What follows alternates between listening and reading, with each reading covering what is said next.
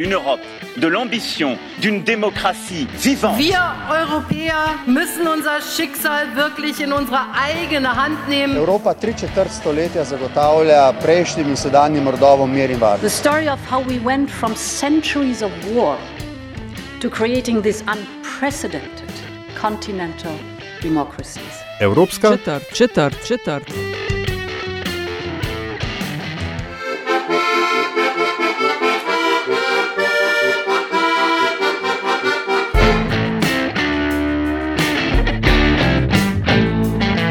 Spoštovane in cenjeni, dobrodošli v podkastu Evropska četrt, podcast o vsem, kar vas bo zanimalo o Evropski uniji, pa niste vedeli, koga vprašati. Evropsko četrt vodi vam Nataša Briški in Aljaš Pengalopitenc. Podcast domuje na spletni postaji metinalista.si, v vašem nabiralniku pa sveža epizoda takoj, ko je na voljo. No, in o čem bomo govorili tokrat? Veleposlanica Lea Stančič je 14. aprila letos predala poverilna pisma predsednici Republike Moldove. A veleposlaništvo Republike Slovenije v Bukarešti je tako prevzelo nerezidenčno akreditacijo v Republiki Moldovi, vse ok, ampak aljaš, oblečena je bila v narodno nošo in na sončni strani Alp je izbruhnila drama epskih razsežnosti.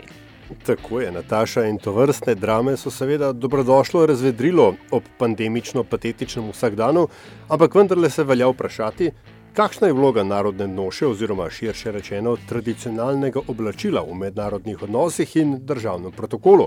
Gre zgolj za maškarado ali izbiro oblečila spada recimo v kategorijo izbire brošk, po kateri sta znani britanska kraljica in Madeleine Albright.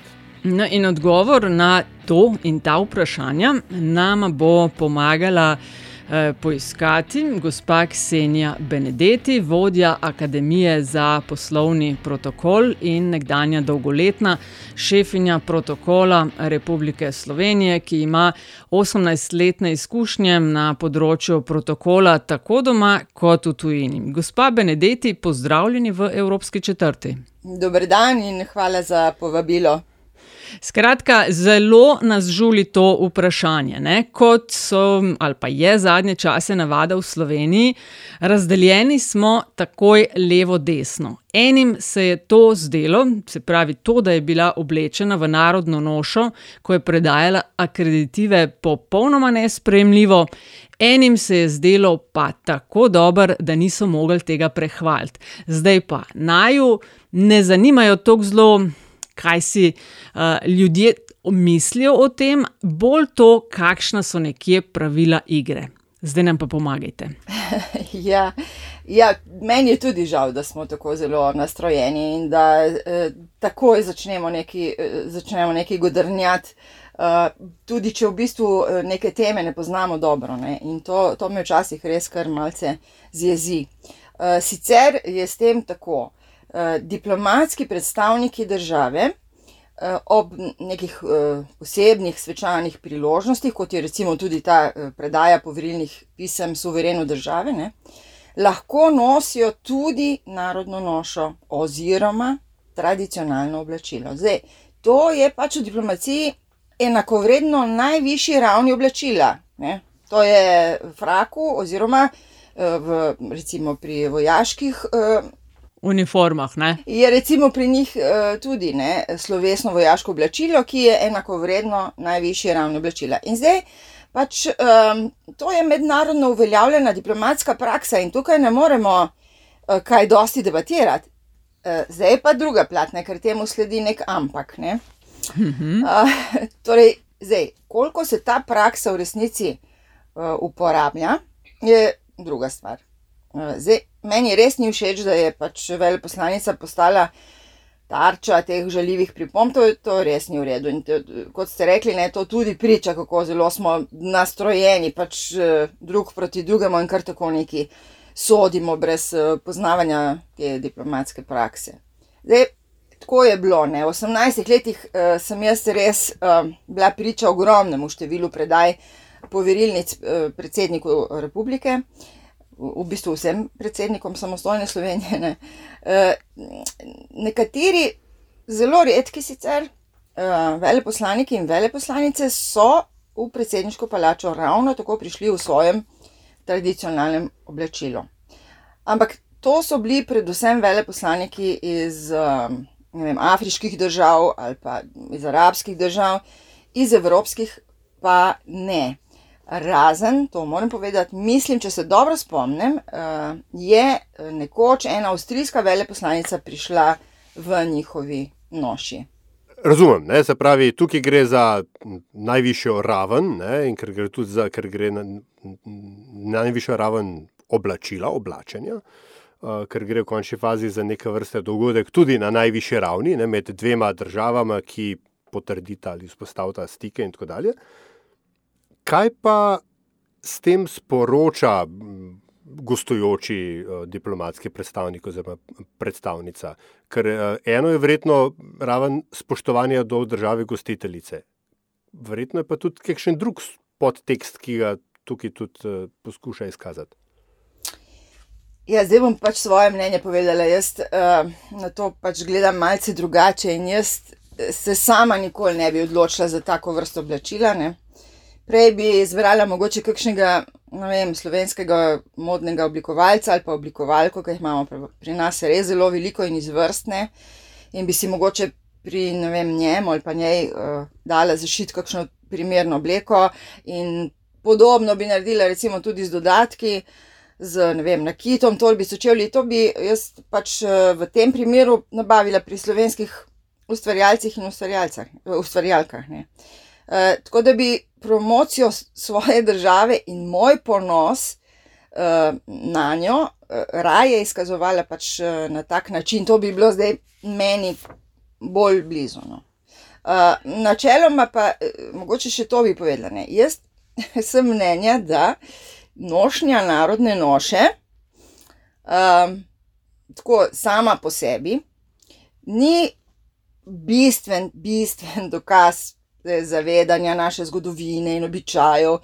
In uh, se mi ne zdi nek zelo, zelo izrazit izraz ponosa na, na svojo državo. No. Jaz bi raj videla, da se ponos kaže skozi kakšno drugačno gledalo, recimo vem, skozi vem, uspehe naših kulturnikov, športnic, športnic, pa vem, znanstvenikov, pa tako naprej, ali pa gospodarstva. Ne. Jaz uh, bi raj videla, da smo ponosni na svojo državo ker naprimer super ravna s svojimi najšipkejšimi. Ali pa ker ima, ne vem, novo sodobno bolnišnico z, kaj se vem, najnovejšimi aparaturami. Ne? Ali pa ker ima urejeno dolgotrajno oskrbo in tako naprej. To so te, se mi zdi, bistvene stvari, zaradi katerih smo res lahko ponosni na svojo državo, ne pa toliko uh, obleka. Tako da, pač to je moje mnenje. No. No, se, to, je recimo, to je v bistvu zelo dobro nadaljevanje ne, te, te teme oziroma te kontroverze, ki se je podala pa mi m, naredila, ne, ker uh, uh, spet eno so mednarodni odnosi, pa pravila obnašanja, bonton in, in, in protokol, uh, drugo je pa verjetno, in, in zaradi tega se mi zdi, da je ta kontroverza sploh nastala, je bilo kaj uh, navznoter država in njen diplomatski aparat na ta način uh, komunicirata. Ali bi lahko, pa čist uh, ne, ne v smislu operativnega, ali pa zdaj je to dobro ali slabo, ampak ali na ta način recimo uh, diplomatski aparat komunicira neko vrsto, vem, privrženost bolj tradicionalnemu pogledu na svet. A sem zdaj to čisto narobe razumel? Ja, lahko, lahko razumete tudi tako. lahko razumete tudi tako, ampak uh,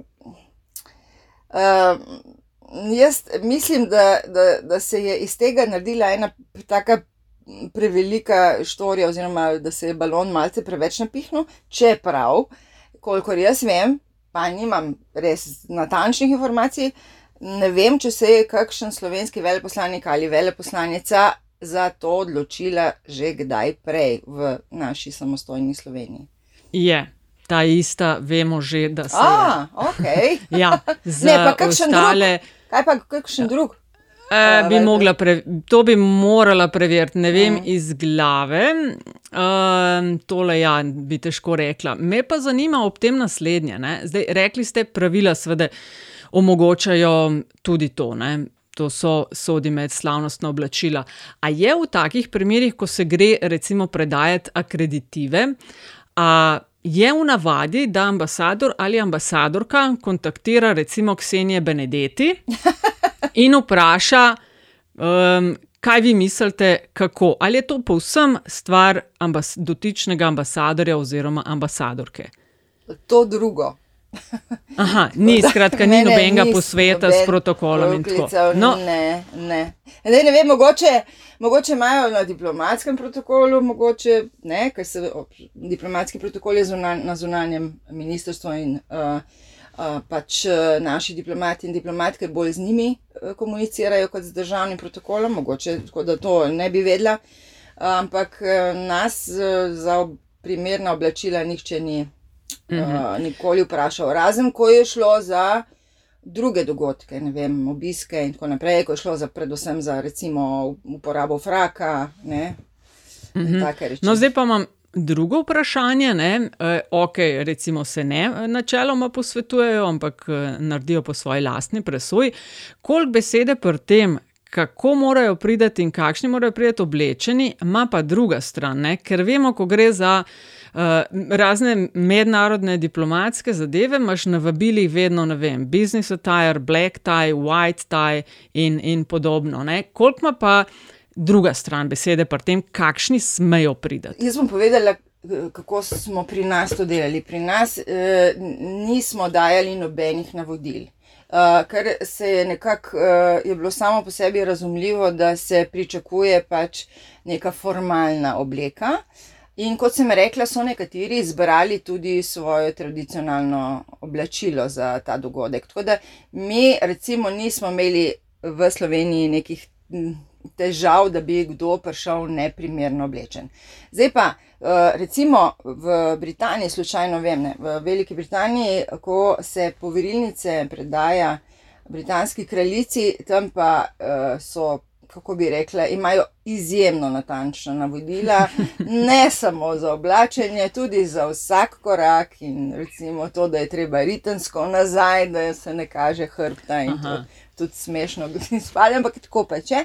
Oni so pa, oni so pa res eh, izjemno, uh, kako bi rekla, so izjemno pozorni na vse podrobnosti in vse sporočijo naprej. Mm -hmm. Pri nas sporočimo, seveda, eh, diplomatski protokol vedno sporoči novemu. Uh, Uh, ambasadorju oziroma ambasadorki, kako gre ta ceremonija. ne, ker To, to smo jim izpisali in oni dobijo naprej, kako to uh, pač poteka. Uh, mislim pa, kar se tiče obleke, pa da ne. Omenili ste, ne, da, da v Evrop, evropski veleposlanik, oziroma veleposlanik evropskih držav v Sloveniji a, zelo redko, ne, če ne celo nikoli, niso prišli uh, oblečeni, predati akreditivo v tradicionalna oblačila. Sem recimo nizozemska tradicionalna oblačila pogledal in ugotavljam, da je bolj, da niso, ne, ker s tistimi lesenimi, lesenimi coklami bi še tisti bidermar tam lahko poškodoval.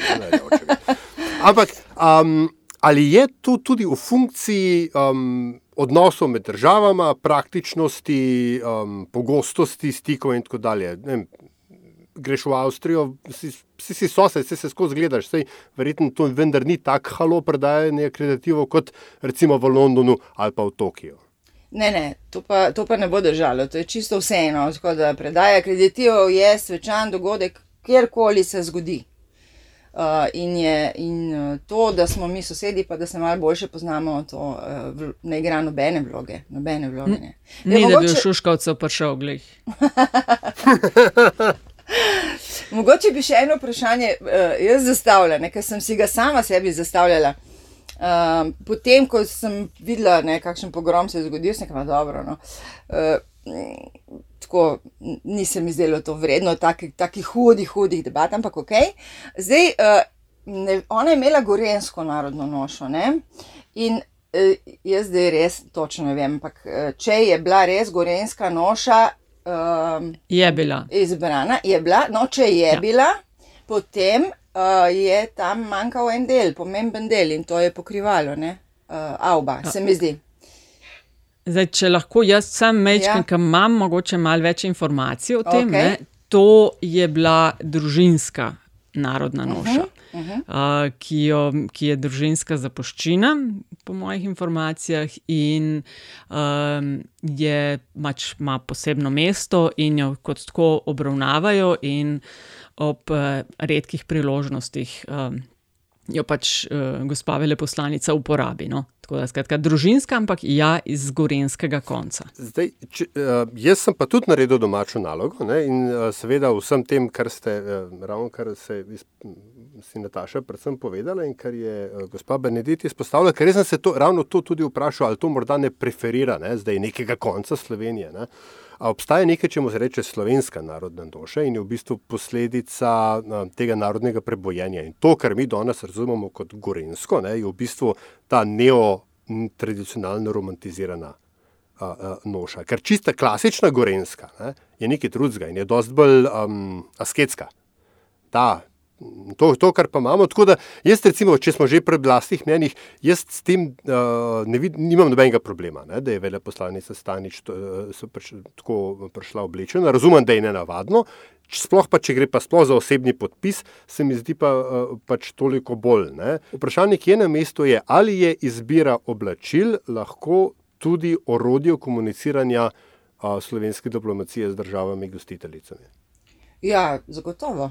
Zagotovo je lahko, ampak temu se, kot sem rekla, malce preveč pozornosti posveča.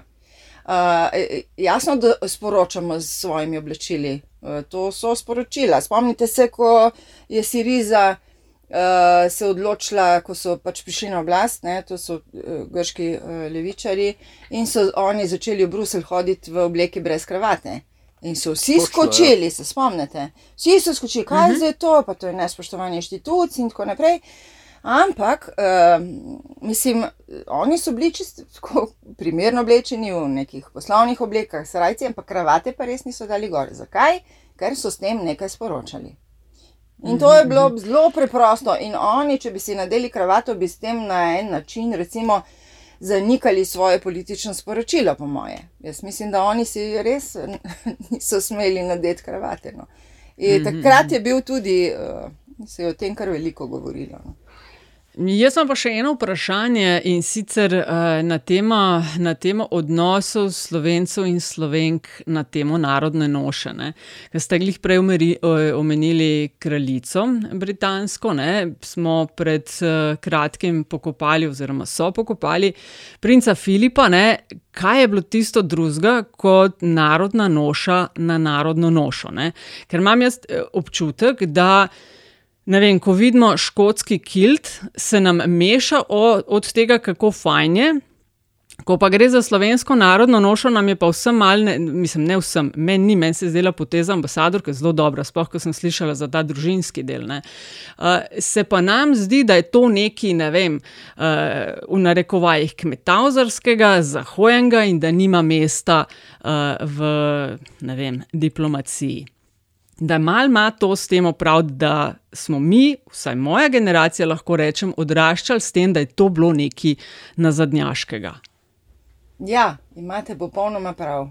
In, uh, in točno ta primerjava je res odlična. Uh, ampak uh, Ne vem. Ker kaj, ker kaj je na koncu koncev škotski kilt drugega kot to, kar je ambasadorka dala? Vse tudi škotski kilti gotovo imajo različni deli škotske, pa imajo mal še kakšen, uh, ne vem, žepek, ki dol visi mal drugače ali pa ne vem, no, cofek. To mi je, to mi je vzorc, ne? Ampak vzorc je pa ki krilo. Je. Ne, ne, vzorc je odvisno od tega, kjer mu klano pripada. No. Ja. Ampak načeloma vemo takoj, da je škotski kilt. Rečemo, ja. Da je pol pravite nekaj na tem, da, da imamo mal tak odnos.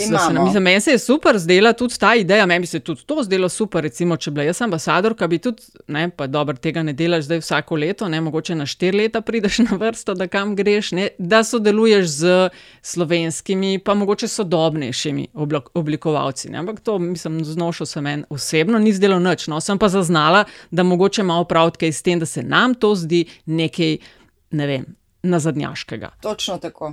Na, mi gledamo na eh, te reči, uh, kot da niso primerne. Ne? Kot da niso primerne, na nek način se celo, uh, ne vem, sramujemo. Ne? Kar ne vem, odkje to izhaja, zakaj je to.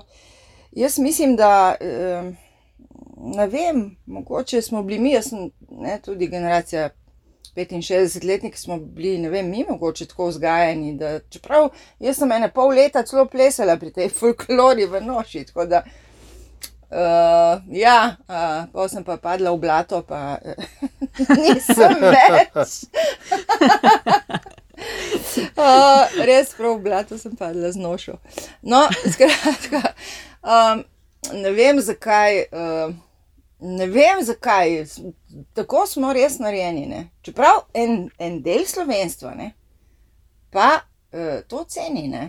Ja, ja, ja ne, nismo, nismo, nismo, niso vsi enaki, seveda. Ne, in to se mi zdi glih največja, ena večjih vrednot, da sprejemaš. In predvsem, da, nas, da nam ni nerodno pred tem, kar mi smo, ne, ker se konc koncev eh, diplomati in diplomatke v tujini predstavljajo in na sprejemih je in potica, in kranska klobasa, in med, in kakšne, ne vem, eh, in lajbahi, pa kakšne, ne vem, še sodobnejše stvari. Ne. Vse to je Slovenija. Ja. Ja, wow. To je res. Okay. To je res. Gospa Benedeti, uh, najlepša hvala. Ali jaš želiš ti še imaš kakšno? Ne, razen tega, da naslednjič pričakujem, da te vidim v jaz, ja, slovenski narodni noši. Ja, nimam, ja, jaz bi fulmila to. Ja, zdaj le, evo, skeširati, to je to. To so drage stvari. Ja. No, če me boste ja. videli, v kakšni bo to kostelska narodna noša. Uh, o, super. Gospa... Mene pa v belokrajinski, tiste mi je zelo. A, no, ja. sej, to smo, to je to. Je, to, je to. Okay. Uh, gospa Ksenija Benedeti, najlepša hvala za pogovor. Hvala vama za povabilo in lep pozdrav, kjerkoli že sta. To je bila Evropska četrt 69. v podkastu Vesolju. Hvala za vašo pozornost. Predlogi in mnenja so seveda zelo dobrodošli. Hvala pa tudi za pohvale in kritike, ki jih delite z nama in ne nazadnje. Res hvala za investicije, ki jih namenjate razvoju in produkciji naših vsebin. Avtor glasbene podlage je peli iz podcasta Upravičujemo se za vse neušečnosti. Če vam je vsebina všeč, bo pomagalo in bo vesela, da nas najde še kdo, če naj jo ocenite pri vašem izbranem podkastu ponudniku. Sicer pa hvala za vašo družbo in se spet slišimo k malu.